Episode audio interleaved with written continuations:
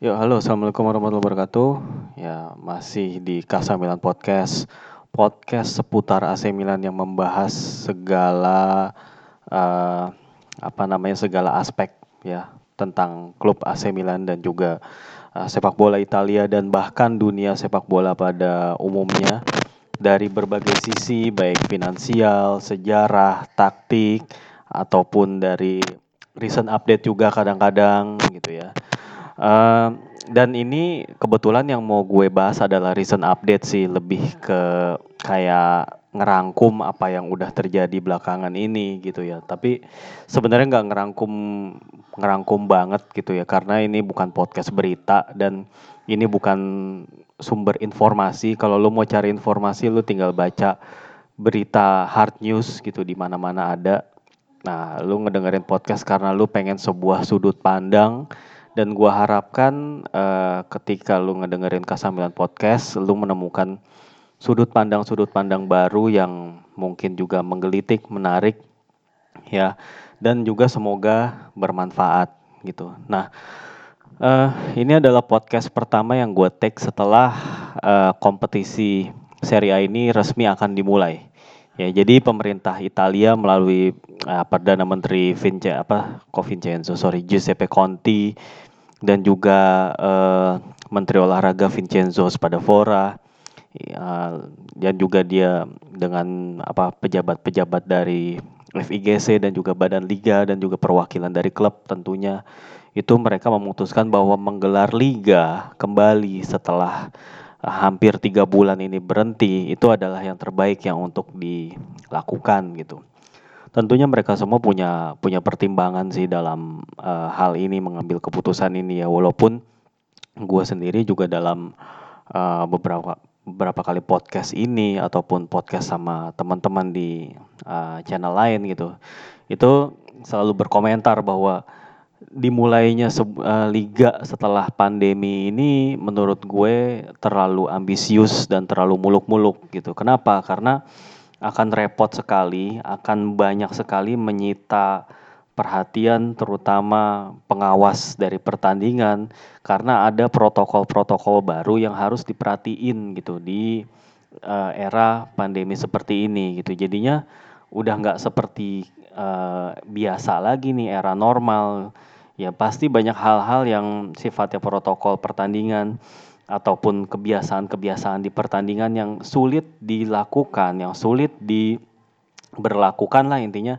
pada era pandemi seperti ini gitu. Contohnya kayak bagaimana pemain itu ketika dari tempat latihan menuju stadion itu kan mereka naik bis. Nah, naik bisnya physical distancingnya gimana gitu. Lalu kemudian di ruang ganti physical distancingnya gimana, protokol kesehatannya gimana gitu. Terus ketika jalan dari tunnel ke stadion, eh ke lapangan maksudnya, itu kayak apa? Ya pokoknya hal-hal teknis kayak gitulah gitu yang menurut gue itu uh, susah banget dibayangin untuk berlangsung di era, di era pandemi seperti ini. Tapi anyway, uh, kita ngelihat kompetisi Bundesliga udah kayak tiga pekan ya, tiga pokoknya tiga pertandingan ya tiga atau empat pertandingan udah berjalan gitu dan nggak terkendala macam-macam kalau seperti yang kita dengar artinya nggak ada sejauh ini laporan bahwa pemain itu infected atau terinfeksi terpapar uh, virus corona ketika mereka setelah apa selesai bertanding gitu artinya sebenarnya pertandingan bisa berlangsung aman selama mengikuti protokol-protokol kesehatan yang sudah ditetapkan gitu. Jadi berkaca pada bisa jadi berkaca pada kesuksesan dalam tanda kutip ya, walaupun ini baru sementara, kesuksesan dari dimulai kembalinya kompetisi Bundesliga inilah rupanya liga-liga lain pun ingin mengikuti jejak dari Bundesliga seperti selain Serie A itu ada IPL, eh, liga kita ngomong liga gede ya, ada La Liga yang akan kembali di bergulir lagi gitu. Tapi liga-liga seperti Eredivisie Belanda dan juga Ligue 1 Prancis itu sudah memutuskan untuk menyetop uh, kompetisi. Nah, nanti kita akan bahas juga nih bagaimana impactnya ketika misalnya ada satu liga yang nyetop dan ada liga lain yang tetap nerusin gitu. Itu kayak gimana impactnya nih, terutama buat Milan juga gitu ya. Nah, sekarang mungkin gue mau ngebahas yang ringan-ringan aja deh gitu. Nah, karena emang keputusan udah diambil dan tim juga udah bersiap-siap gitu. Uh, berlatih kembali gitu dan bahkan sekarang udah grup training juga setelah kemarin beberapa minggu lalu sempat individual training dan akhirnya grup training dilaksanakan sekarang gitu dan liga udah ada lampu hijau untuk dimulai. Lalu bagaimana nih peluang Milan? Sebenarnya apa ini adalah topik yang apa yang gue cukup hindari. Kenapa? Karena gue males ngebahasnya karena kalau ngomongin Milan itu yang ada di apa yang ada di pikiran gue tuh uh, di secara default itu adalah pesimisme. Kenapa? Gue ngomong begini juga bukan tanpa fakta, bukan bukan juga tanpa uh, data gitu ya. Bukan juga karena tanpa ngelihat tren yang ada gitu loh. Ini juga bukan berarti gue fans yang terlalu uh, apa namanya pasrah-pasrah banget, fans yang udah desperate banget, nggak juga seperti itu. Sekarang lihat faktanya squad Milan nih. Squad Milan itu kecil banget, tipis, tipis banget. Ini uh, kalau ngelihat dari jumlah striker yang dipunya aja ya, Ya, bahkan striker utama, striker uh, nomor 9 atau striker yang benar-benar striker murni itu cuman Ibra doang. Dan sekarang Ibra cedera. Menurut lu jadinya apa gitu loh. Sementara striker yang lain itu Ante Rebic dan juga Rafael Leao, they are not the same player as Ibra. Mereka bukan pemain yang sama seperti halnya Zlatan Ibrahimovic. Atau kita kita nggak usah ngomongin sosok Ibra doang. Maksudnya Milan itu dengan taktiknya Pioli sekarang itu membutuhkan seorang target man, membutuhkan seorang point of reference dan itu semua ada di Ibra. Entah bagaimana tanpa Ibra sistem ini berjalan gitu. Pioli tentunya akan harus mencari cara lain karena Ibra sendiri akan absen dalam waktu yang cukup lama. Kabarnya bisa sebulanan. Jadi Ibra itu baru bisa main lagi bulan Juli kurang lebih untuk amannya gitu. Nah, uh, sekarang kita ngelihat dulu kompo apa dari sisi recent update-nya Milan. Terlepas dari recent uh, rumor tentang si Ralf Rangnick kita kesampingkan dulu. Rumor tentang transfer-transfer pemain kita kesampingkan dulu. Ini kita fokus ke apa end of season aja dulu lah gitu loh. Nah sekarang uh, Milan itu yang tadi gue bilang skuadnya tuh sangat tipis. Di posisi penyerang tipis banget. Dan di posisi gelandang juga tipis dalam hal tipis pemain yang memiliki kualitas gitu. Artinya kalau ada pemain yang absen di pemain yang biasa main sekarang maksudnya yang di formasinya Pioli yang terakhir yang udah sering gue bahas gitu kalau ada pemain yang absen pasti keseimbangan tim itu akan terganggu. Dinamika yang udah terbentuk terganggu uh, berhentinya liga selama tiga bulan aja ini udah membuat dinamika terganggu. Ini up terlebih kita ngomong tentang kedalaman skuad yang sangat-sangat tidak mumpuni dan juga ketidakmerataan kualitas skuad antara pemain inti dan pemain cadangan gitu. Di lini tengah kalau misalnya Ismail Benacer absen itu Milan nggak punya pemain pengganti yang memiliki karakteristik seperti dia dan juga kapabilitas seperti Benacer. Artinya kalau Benacer nggak main itu gaya permainan pasti berubah dan emang pasti akan sulit untuk diantisipasi oleh si Pioli. Gitu. Begitu juga pemain seperti Samu Castillejo yang men kini menjadi kepingan penting juga.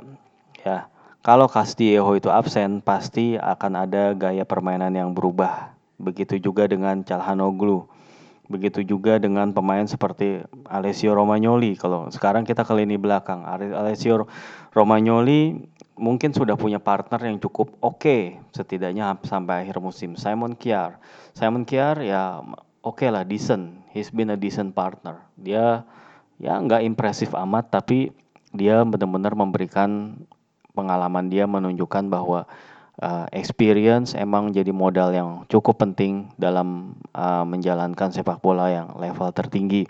Jadi walaupun secara atribut teknis Simon Kiar itu adalah pemain yang sangat slow, uh, bisa banget untuk outpace atau kalah cepat sama striker lawan, tapi paling enggak pengalamannya dia itu terbentuk atau terwujud dalam caranya dia membaca permainan, kemampuan reading game dia, ketenangan dia, gitu. Lalu kemudian uh, ya mungkin juga dia juga sosok yang berpengaruh kita nggak tahu di ruang ganti ya. Itu pasti ada pengaruh positifnya buat tim gitu loh. Lalu kemudian di di posisi fullback Milan ya kalau Theo Hernandez nggak nggak main itu baru ada masalah. Tapi kalau Theo Hernandez main, tentu itu jadi sisi yang ya apa ya sebenarnya sih dua sisi sih sisi apa sisi kuat termasuk uh, titik lemah juga kadang-kadang karena Theo Hernandez ini kemampuan bertahannya emang benar-benar perlu dibenahi gitu.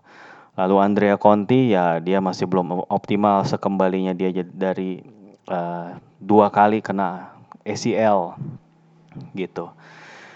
Jadinya emang hmm, Milan ini menurut gue dengan digulirkannya kompetisi menjadi tim yang sama sekali tidak diuntungkan. Kalau secara objektif gue ngomong, itu tadi gue ngomongin kualitas kuat dan juga kedalaman squad ya. Dan juga kondisi terakhir pemain seperti Ibra yang mengalami cedera. Ya, kita kita juga nggak bisa mengenyampingkan peran Ibra begitu aja karena dengan keberadaan Ibra, seorang Ante Rebic itu bisa uh, mengoptimalkan kemampuannya gitu. Jadi Rebic itu emang benar-benar bersinar ya dengan skema ada Ibra di situ. Ibra akan jadi point of reference, Rebic akan menjadi orang yang mengobrak-abrik dari second line ataupun orang yang coming from behind. Datang dari belakang atau datang dari blind side, dia mencari posisi yang bagus untuk uh, menciptakan peluang dan menciptakan gol buat dirinya sendiri. Ya, dan itulah yang terjadi selama ini ketika Ante Rebic itu bisa bikin uh, 7 gol di semua kompetisi musim ini gitu. Tapi dengan ketiadaan Ibra, nah ini situasi bisa sangat runyam menurut gue. Pasti Pioli akan mencoba beberapa modul, beberapa taktik baru gitu. Yang mana ini pasti akan membutuhkan adaptasi lagi gitu. Dan kita masih belum tahu resultnya akan seperti apa. Karena ya ada apa ya beberapa taktik menurut gue beberapa modul taktik yang kadang emang sih kan taktik itu cuma sekedar uh, di atas kertas ya. Apa namanya? Tapi kalau misalnya udah di lapangan aplikasinya itu bisa macam-macam gitu. Bisa eh, nggak uh, ter nggak apa ya nggak rigid gitu loh nggak Ya masalahnya kalau Milan itu tanpa sosok Zlatan Ibrahimovic itu Milan benar-benar kayak kehilangan arah. Seperti yang pernah gue tulis sebelumnya dalam sebuah artikel di uh, fandom gitu ya. Lu bisa baca tulisan gue di situ. Uh, Ibra itu point of reference seperti yang tadi gue bilang di mana pemain-pemain itu jadi punya arah punya tujuan ke mana bola itu akan dioper jadi nggak mesti si Ibra itu akan convert dia punya chance dalam bentuk gol nggak mesti. Tapi Ibra juga bisa jadi pemantul Ibra juga bisa jadi uh, apa namanya diversion atau pengalih perhatian ya. Pokoknya kalau ada Ibra serangan Milan itu jadi, lebih berpola. Pemain-pemain Milan tuh punya purpose punya tujuan gitu. Nggak kayak kalau nggak ada Ibra lu kalau bisa perhatiin pemain-pemain itu antara pemain itu nggak saling percaya misalnya contohnya Calhanoglu bawa bola dari sisi kiri. Ya, terus kemudian dia ngelewatin satu pemain, satu wingback, dia cutting inside, dia langsung tembak. Padahal semestinya dia bisa mengumpan satu atau dua kali lagi. Ya, misalnya ada ada skema satu lagi, misalnya dia oper dulu ke si Rebic, terus Rebic kasih ke Samu, Samu kasih ke Leo, Leo shoot. Itu mungkin bisa dapat ruang yang lebih bagus. Nah, ini enggak. Baru sampai Calhanoglu digo ngegocek satu pemain, udah langsung ditembak. Nah, padahal ruang tembaknya itu masih sempit atau di, di posisi itu masih banyak pemain bertahan yang nutup gerakannya. Akhirnya jadi serangan yang wasted atau terbuang percuma gitu loh. Maksudnya itulah kondisi Milan ketika tanpa Ibra kalau menurut pendapat gue gitu. Dan ini akan berpengaruh banget bagaimana Stefano Pioli ini akan menciptakan modul baru atau cara bermain yang baru dengan kondisi tanpa Ibra. Ini adalah menjadi new normal bagi Milan. Ya. bagaimana kembali bermain tanpa Ibra. Sebagaimana kita tahu di putaran pertama Milan juga tanpa Ibra. Kan Ibra belum join, waktu itu masih dengan Christoph Piontek. Tapi sebagaimana kita tahu karena faktor A, A sampai Z yang udah pernah gue uraikan tentang Christoph Piontek, ya akhirnya ya ini Milan jadi tim yang sangat-sangat nggak produktif jadi tim yang nggak percaya satu sama lain ya nggak punya reference dalam menyerang dan lain-lain. Ya dan ini nih gue mengkhawatirkan sekali hal ini akan terjadi karena seperti tadi gue bilang Ante Rebic itu bisa bersinar karena ada sosok Ibra yang benar-benar bisa uh, apa uh, membuat si Rebic ini nemuin banyak ruang tembak gitu. Dan tanpa Ibra menurut gue Rebic perlu mengubah style dia ya mengubah approach dia supaya dia uh, bisa tetap creating chances dan juga bisa jadi gue juga ngerinya nih dia kan sebelum pandemi covid ini ada di periode yang bagus nah momentumnya itu hilang gitu. Setelah balik lagi tuh momentum pasti hilang gitu loh. Dan ini ya inilah yang pasti harusnya ditemuin lagi inilah yang harus dicari lagi. Dan gue nggak yakin ini bisa langsung ketemu di dalam satu pertandingan.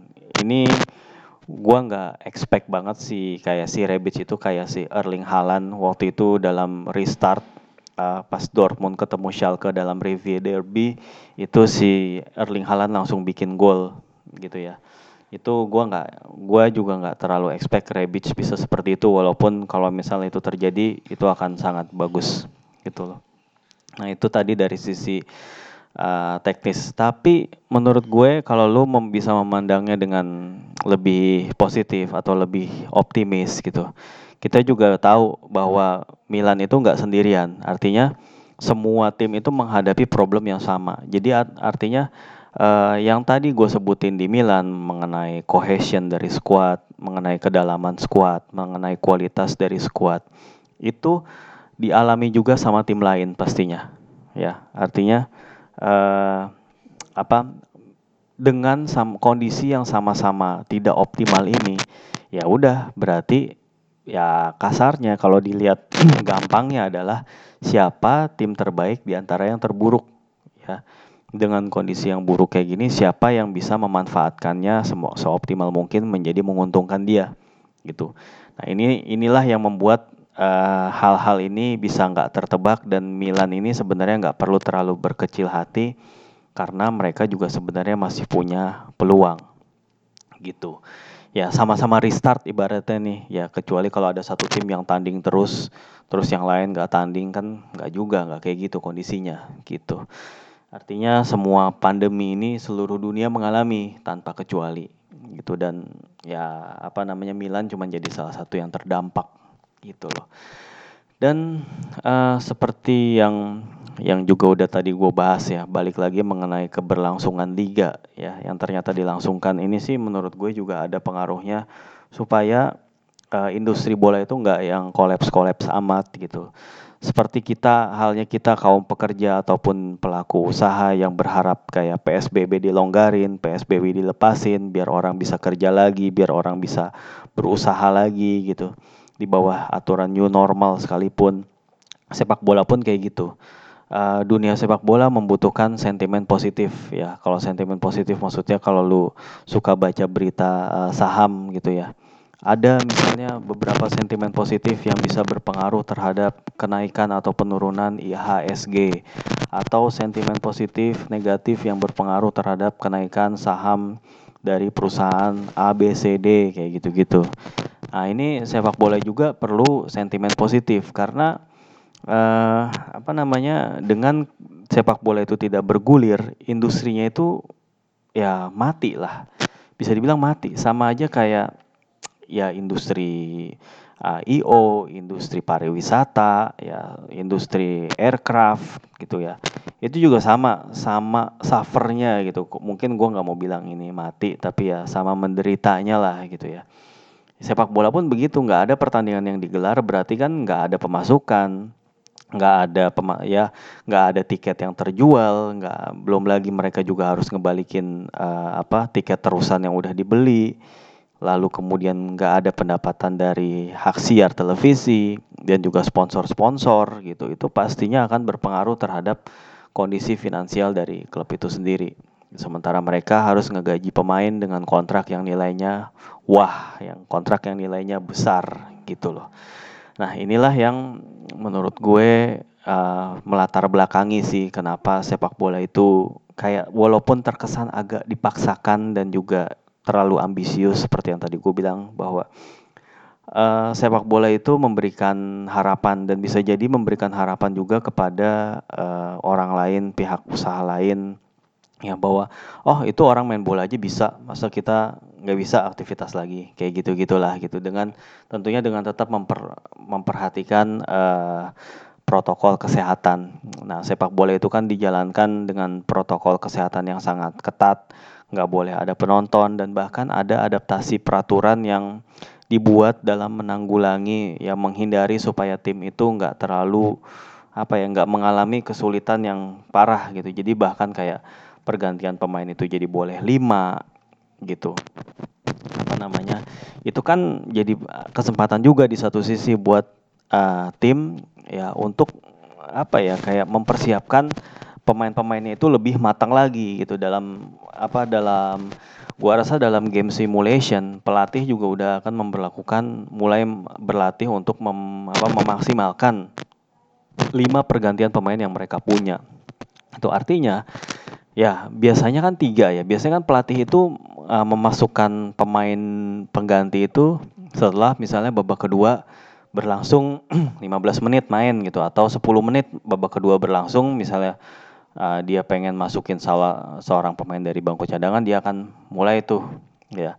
Atau kalau misalnya pemain itu main jelek ya di babak pertama dia akan diganti ke di pada interval babak kedua. Atau yang ekstrimnya kalau pemain main jelek banget itu akan diganti sebelum babak pertama usai walaupun itu jarang banget kejadian nah sekarang dengan adanya lima pergantian pemain ya jatah lima pergantian pemain bukan gak mungkin akan ada pergantian pemain di awal babak pertama atau paling enggak di akhir babak pertama. Itu bisa jadi. Bisa jadi ya. Lalu kemudian ada juga ya karena lima ya. Uh, gua rasa sih uh, uh, apa sebuah tim atau seorang pelatih itu akan lebih leluasa untuk menentukan starting line up lebih ini loh lebih apa ya bahasanya ya. Pokoknya dia akan lebih punya pilihan banyak ya, lebih nggak khawatir misalnya dia ada dalam satu persimpangan nih, e, bingung gua mau masang e, Calhanoglu atau Bonaventura ya di posisi ini. Ya dengan adanya lima pergantian pemain gitu.